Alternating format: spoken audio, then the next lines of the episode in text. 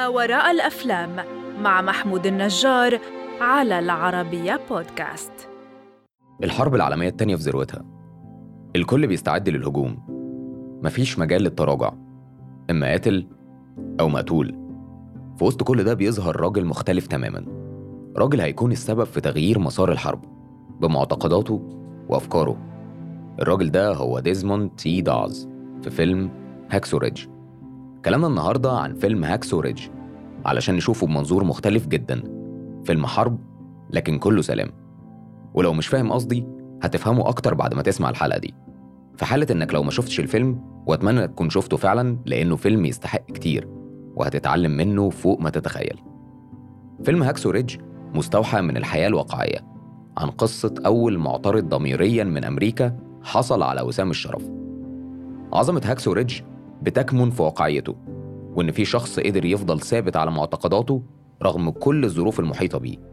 مش بس كده لكن كمان قدر ينقذ 75 جندي من ساحة المعركة لوحده في الوقت اللي الجيش كله انسحب بسبب الهجوم. كان هو بيدور على المصابين وينقذهم.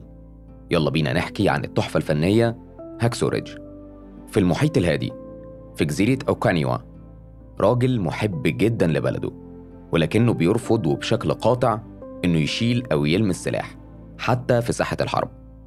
علشان كده لما طوع في الجيش كان مستنكف ضميري وهو إنه هيكون مسعف لكنه رافض يلمس أي سلاح. وكانت حجته إن في الوقت اللي الكل فيه بيقطع بعضه وبيسبب الدمار عايز يكون هو اللي بيصلح وينقذ جزء من الدمار ده. ببساطة جدا دي كانت شخصية ديزموند دوس. خليني أقولك بشكل سريع عن البيئة اللي اتربى فيها ديزموند.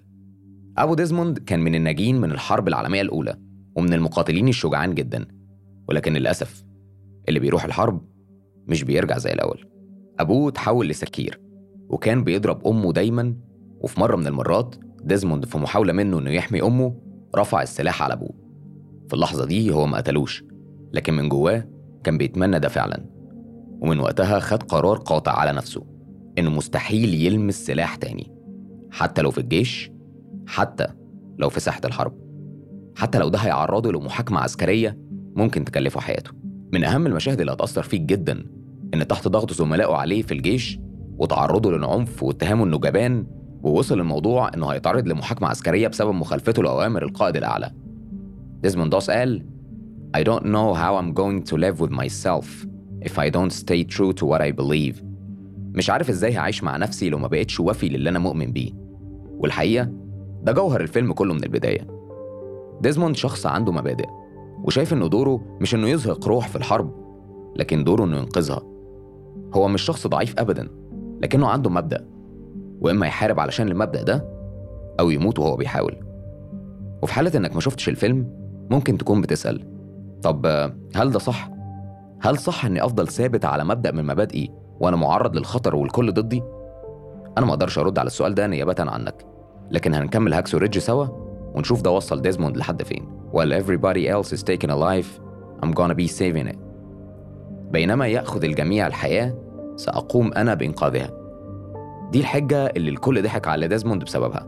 لدرجة إن الرقيب قال له بشكل صارم وواضح جدا You don't win wars by giving up your life. لا تكسب الحرب بالتخلي عن حياتك. وكان يقصد إن في ساحة الحرب لازم تدافع عن نفسك بالسلاح مش بالسلام. السلم في ساحة الحرب مش منطقي.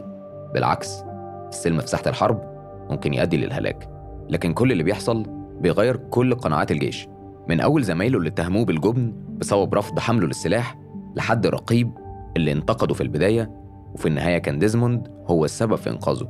When the world is so set on tearing itself apart it does not seem like such a bad thing to me to want to put a little bit of it back together. مع استعداد العالم لتدمير نفسه لا يبدو الأمر سيئا بالنسبة لي في إعادة تجميع جزء منه. في ساحة الحرب الكل كان بينادي على ديزموند علشان يقدم الدعم. وقد كان. في الوقت اللي الكل يا إما بيحارب أو بينقذ نفسه وقت الانسحاب كان ديزموند الشخص الوحيد اللي بينقذ أي حد لسه فيه الروح.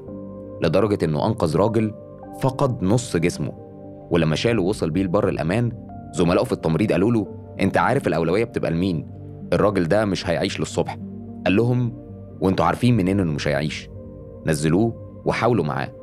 وفي مشهد تاني هتشوف الراجل ده فعلا حي يرزق وسط الجنود. ديزموند كان دايما بيقول لحبيبته إنه نفسه يبقى دكتور لكن ما اتعلمش التعليم اللي بيساعده في ده.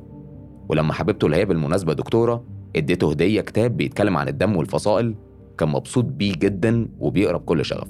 ما كانش حد عارف إن بسبب إيمان حبيبته بيه ومساعدته إنه يعرف أكتر إنه هيكون مسعف ويساعد على إنقاذ كل الجنود دول. في الوقت اللي الكل انسحب فيه من ساحة الحرب ديزموند فضل على الجبل لوحده بيدور لو حد لسه عايش. وكان كل اللي بيردده Please Lord help me get one more. واحد كمان. واحد كمان. وفي ليلة واحدة قدر ينقذ 75 مصاب. 75 جندي كانوا هيموتوا لولا إن ديزموند فضل يدور عليهم وسط الرماد ودخان الحرب. وفي وسط ما هو بينقذ الجنود وقع في مخبأ لليابانيين. وهو بيحاول يهرب منه قابل مصاب من الأعداء. وقتها ديزموند ساعده وعالج جرحه. ولما سمع واحد بيطلب المساعدة ولسه حي في ساحة الحرب اكتشف إنه برضه من اليابانيين وبرضه أسعفه وأنقذه مع الجنود. ممكن تكون شايف ده شيء مش منطقي وإن إزاي ينقذ حد من الأعداء ديزموند من بداية الفيلم وبيظهر مدى إيمانه وإن القتل من الكبائر ما يقدرش يبقى قاعد في بيته آمن والجنود بيتقتلوا وهم بيدافعوا عنه. ولكنه في نفس الوقت مش عايز يقتل حد هو عايز يكون الشخص اللي بيحافظ على الأرواح فيلم هاكسو ريدج فيلم حرب لكنه إنساني من الدرجة الأولى عبارة عن حجة جذابة وعاطفية حول التمسك بالمعتقدات من أعظم مشاهد الفيلم لما رقيب قال لداز All I saw was a skinny kid. I don't know who you were. You've done more than any other man could have done for the service of his country. Now, I've never been wrong about someone in my life. I hope one day you can forgive me. كل اللي شفته في البداية هو طفل رفيع. ما كنتش عارف انت مين. بس انت عملت أكتر من اللي أي راجل تاني ممكن يعمله علشان يخدم بلده. أنا عمري ما كنت غلطان في حكمي على أي شخص في حياتي زي دلوقتي. أتمنى إنك تسامحني في يوم من الأيام. في نهاية الفيلم هتلاقي تسجيلات من الشخصيات الحقيقية اللي الفيلم اتعمل عنهم.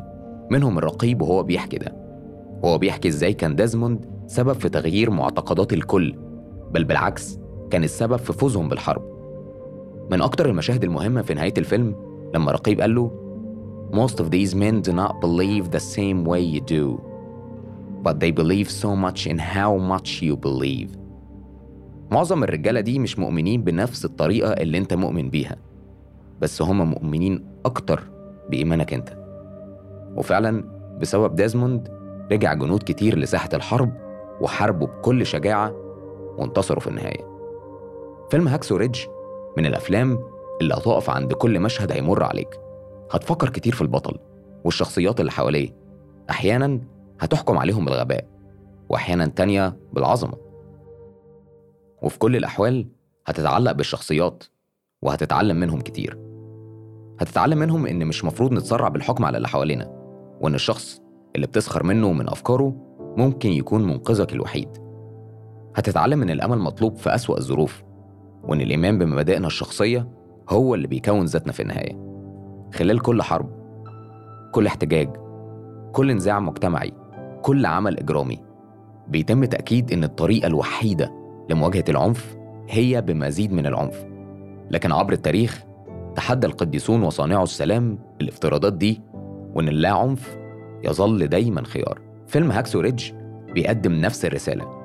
بيثير صورة اللا عنف والاستنكاف الضميري والمواقف الأخلاقية التانية حتى في أوقات الحرب. هنا خلينا نفتكر اللي ديزموند داس الحقيقي قاله عن هيو براذر. Stands must be taken. If I am to respect myself, I must search for what I believe is right.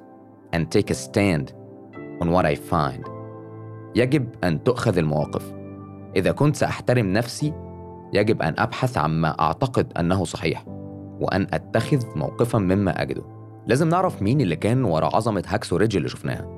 أخرج لينا هاكسو ريدج المخرج ميل جيبسون بعد انقطاع عشر سنين عن الإخراج وكتب السيناريو أندرو نايت وروبرت شينكان وقدم لينا ديزموند داس الفنان أندرو جارفيلد والحقيقة قدم الشخصية بشكل عبقري.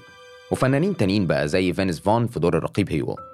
الفيلم صدر سنة 2016 ومتاخد من الفيلم الوثائقي المستنكف الضميري The Conscientious Objector عن قصة حقيقية. حقق 52 مليون دولار في أمريكا الشمالية و14.5 مليون دولار في البلاد التانية مقابل ميزانية قدرها 40 مليون دولار وفاز بجائزة هوليوود للإخراج وجائزة هوليوود للتحرير السينمائي. والحقيقة يستحقوا بكل جدارة كل النجاح اللي وصل له. ما وراء الأفلام من أول حلقة وكان الهدف منه نشوف الأفلام بشكل مختلف. مش بنلخص فيلم أو بنحكي عنه وخلاص لكن كنا عايزين نشارك سوا بمنظور مختلف للمشاهد وإزاي بتوصل لنا رسائل أكبر من الصورة اللي ظاهرة. علشان كده اختيار فيلم هاكسو ريدج نختم بيه ال season الأول كان الاختيار الأنسب. وافتكر دايما إن الأفلام مش مجرد مشاهد اتعملت بإتقان لكنها أكبر من كده بكتير. ومشهد واحد بس قادر يغير جواك كتير. أنا محمود النجار. كنت معاك في بودكاست ما وراء الأفلام المقدم من العربية بودكاست. ده نهاية ال season الأول لكنه مش نهاية ما وراء الأفلام. شوف هاكسو ريدج وشاركني بمنظورك الخاص. وشفته إزاي؟ وكالعادة استناني في حلقة جديدة بفيلم جديد. هنشوفه بمنظور مختلف. منظور ما وراء الأفلام.